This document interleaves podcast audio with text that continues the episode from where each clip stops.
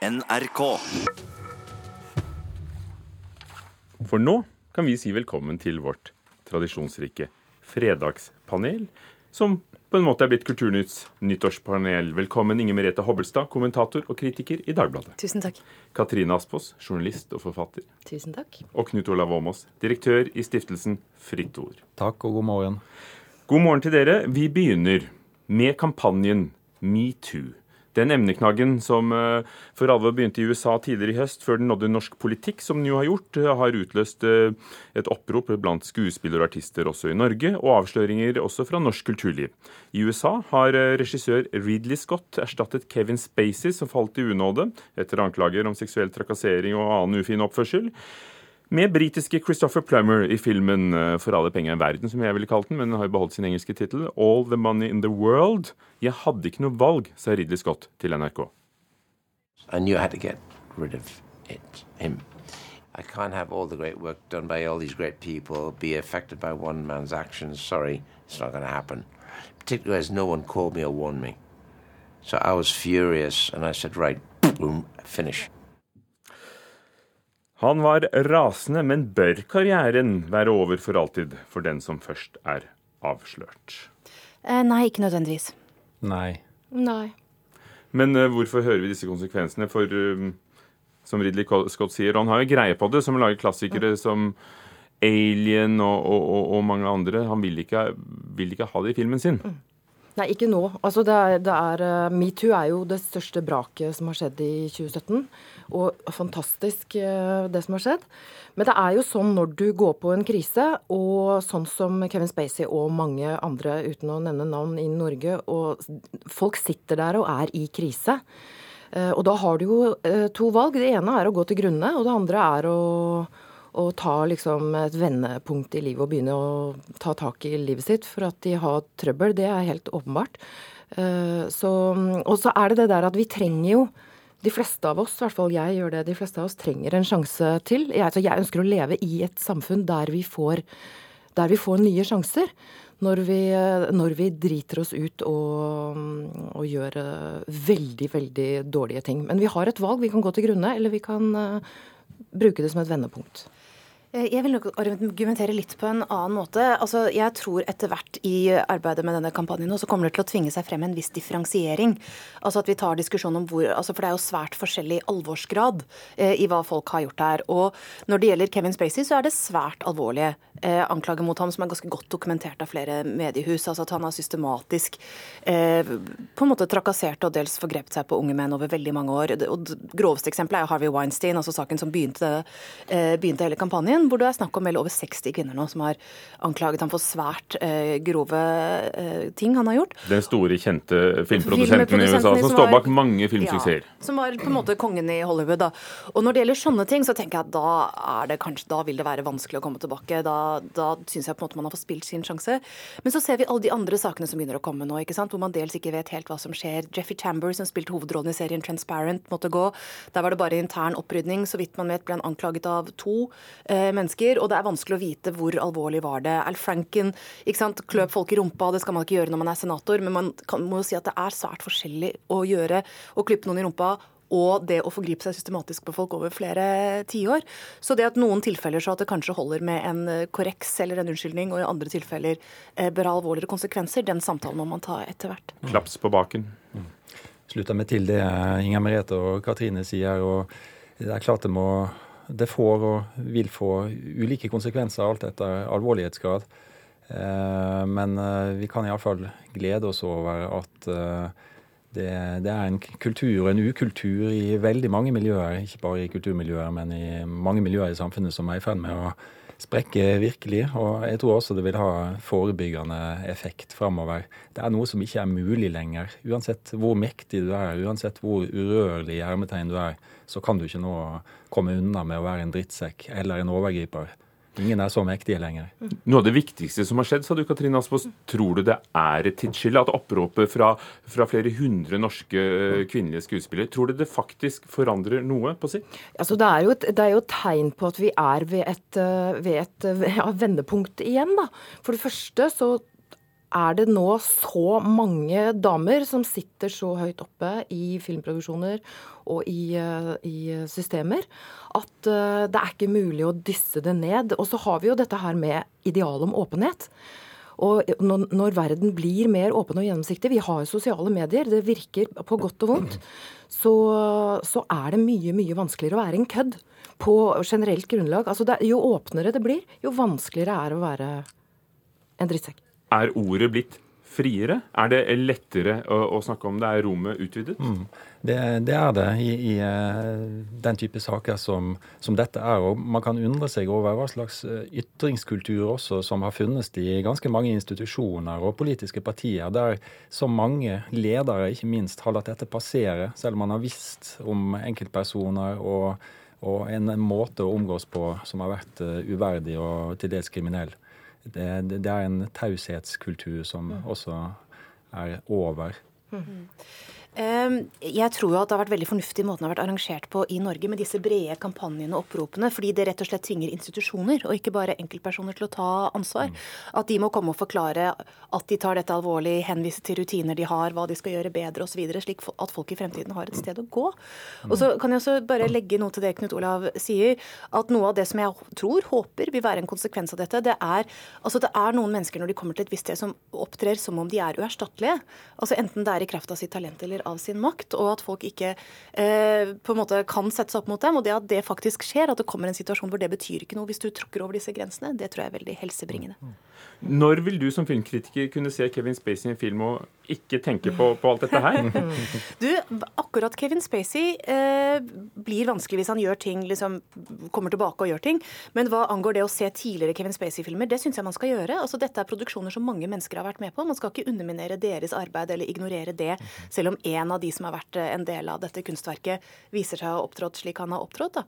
Så det at vi skal feire de filmene og filmskaperne og det de ble, det kan man gjøre selv om den ene ene viser seg å være dårlig papir. Ser, ser du gamle filmer i et nytt lys? Ja, jeg gjør det. Men det er jo det, det, dette her med å skille uh, kunstverk og person, da. Altså, det, er en, det, er jo en, vanskelig øvelse i seg sjøl, å skille verket og personen. Nå får vi rikelig trening, men i hvert fall. Året som er gått. Kulturministeren har lagt seg ut med kunstnerorganisasjonene. Hun vil nemlig forandre bl.a. hvordan kunstnerstipendene blir utdelt. Det har vært et behov lenge for å ha gjort endringer. og Det er derfor jeg vet at også kulturministeren før meg fra eh, Arbeiderpartiet også har vurdert eh, å gjøre det. Men da setter man jo i gang et rabalder uten eh, like. Rabalder uten like. Trenger Helleland kunstnernes tillit for å overleve som statsråd i 2018, Knut Olav Åmås? Nei, det gjør han nok ikke. Ja, jeg håper det. Mm. Tenk på det, du. Tenk på det. Eh, hvorfor?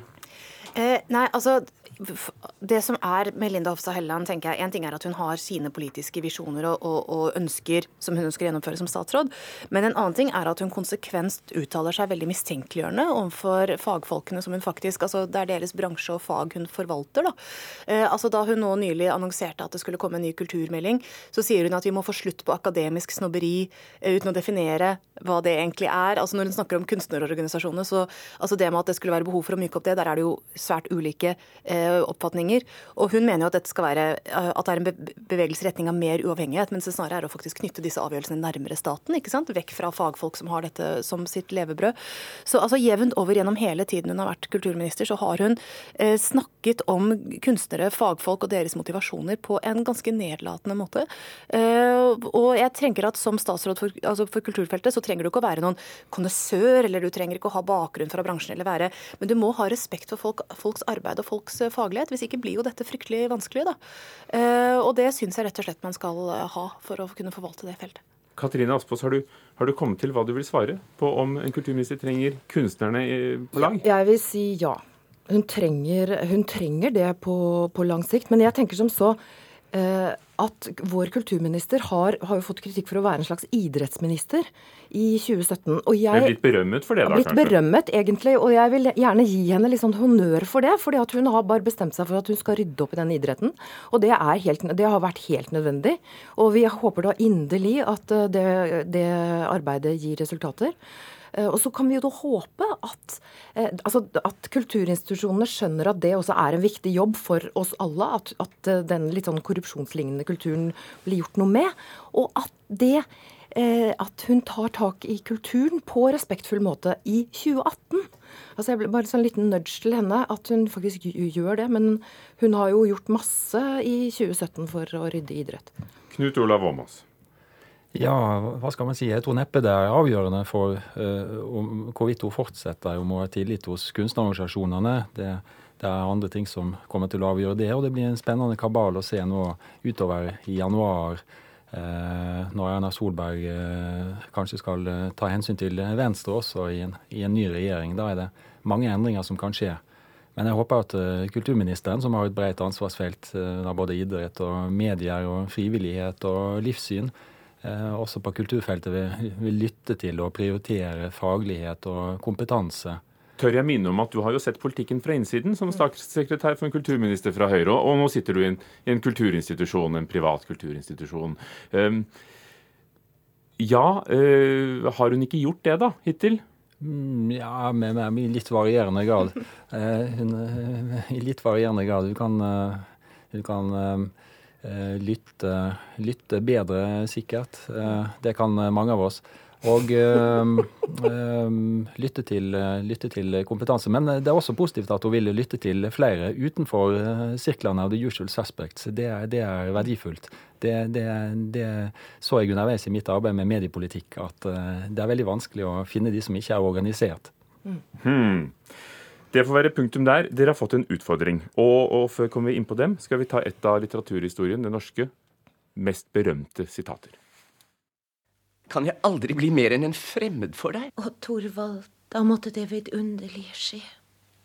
Si meg, hva er dette vidunderlige? Da måtte både du og jeg forvandle oss sånn at Og Torvald, jeg tror ikke lenger på noe vidunderlig. Liv Ullmann og mm. Toralf Maurstad i 1971. Spørsmålet dere får, hver en av dere, hva er det vidunderligste som kan skje i 2018? Katrine Aspaas. Oi. Eh, det vidunderligste som kan skje i 2018, det er at vi mennesker forstår, virkelig tar inn over oss, hvor mye vi betyr for hverandre. Eh, at vi påvirker hverandre hele tiden i hvordan vi møter hverandre. På butikken, i, på trikken, i eh, Rett og slett altså vi hører sammen fysiologisk, biologisk. Dette er vitenskapelig. Dette er kunnskap som kommer sivende. Så vi, eh, vi, vi hører sammen, rett og slett. Og at vi påvirker hverandre. Og um, Knut Olav snakket om ytringsklima. Så det, det vil påvirke ytringsklimaet vårt. At vi rett og slett behandler oss sjøl og hverandre på en sånn måte at vi, eh, vi gir hverandre honnør for å være her. Og gjøre så godt vi kan. Knut Olav Åmås. Mm. Da har Katrine brukt opp de store ordene. Og, og, det fins masse flere ja, store ord! Ja, det fins flere. prøv deg, Knut Olav! Men, men jeg, på vei hit Gjør så tenkte jeg, skal man tenke helt generelt om det vidunderligste, eller være litt mer spesifikk, så jeg spisser meg litt sånn mer kjedelig inn mot kultur- og mediefeltet. da, Hva er det vidunderligste som kan skje der i Norge f.eks. i 2018? Og Da tenker jeg at, at, en, at, tilstrekkelig mange vil betale for god journalistikk, eh, slik at uh, god journalistikk blir økonomisk bærekraftig uh, med nye forretningsmodeller. Det er det ene. Og det andre er Eh, at, eh, at, Norge sammen med andre land finner måter å skattlegge de globale teknologiaktørene som Facebook og Google, eh, slik at norsk journalistikk og norsk språk kan bli styrka i forlengelsen av det gjennom ny mediepolitikk. Det er jo litt opp til hver og en av oss, det, å ikke bare klikke, men klikke ja. på 'ja takk, jeg abonnerer'. Pay and click. Inger Merete Hobbelstad. Altså, da må jeg bare si ja og amen til det Knut Olav sa her, da. Hvis jeg skal være helt uronisk, så Altså, Den biten som kanskje bekymrer meg aller mest eh, i verden i dag, virkelig, det er jo denne fremveksten av disse omtrent lukkede ekkokamrene, eh, der det blir en sterk liksom, fiendtlighet, veldig sterk aggressivitet, mm. mistenksomhet i retorikken mellom folk som mener forskjellige ting eh, mm. politisk. Eh, dels at konspirasjonsteorier vokser, at man velger liksom, hvilke nyheter man tror på ut fra hvem man kan tenke seg er avsenderen der. Mm. Det gjør meg sånn helt vettskremt, og jeg ser ikke helt noen måte det kan snu på, men at eh, man får forskjellige steder over hele verden får en slags slags støkk og begynner heller å orientere seg mot en slags felles samtale og felles offentlighet igjen. Mm. Det ville vært virkelig vidunderlig. Tror, tror, du ikke vel blitt litt herdet i året som har gått, og etter presidentvalgkampen i USA hvor vi ble vant til begrepet falske nyheter? Ja, jeg håper, altså jeg håper jo ja, da, da, at det har vært en støkk, og at folk eh, da eh, verner om offentligheten, da, rett og slett. Og så hvis jeg kan legge til, så vil jeg gjerne at de finner en kur mot nøtteallergi. Eh, og jeg vil gjerne at uh, ischiasnerven min uh, roer seg ned. Det er det vidunderligste som kan skje for meg. Og så vil jeg gjerne sitere Bertine Zetlitz i romjula, som sier det. De snille vinner. Punktum. Takk for at dere var så snille å komme til Fredagspanelet, Katrine Aspås, Knut Olav Åmås, Inger Merete Hobbelstad. Du lytter til Nyhetsmorgen i NRK. Klokken er straks halv ni. Aller første Dagsnytt, så høres vi straks. Du har hørt en podkast fra NRK P2.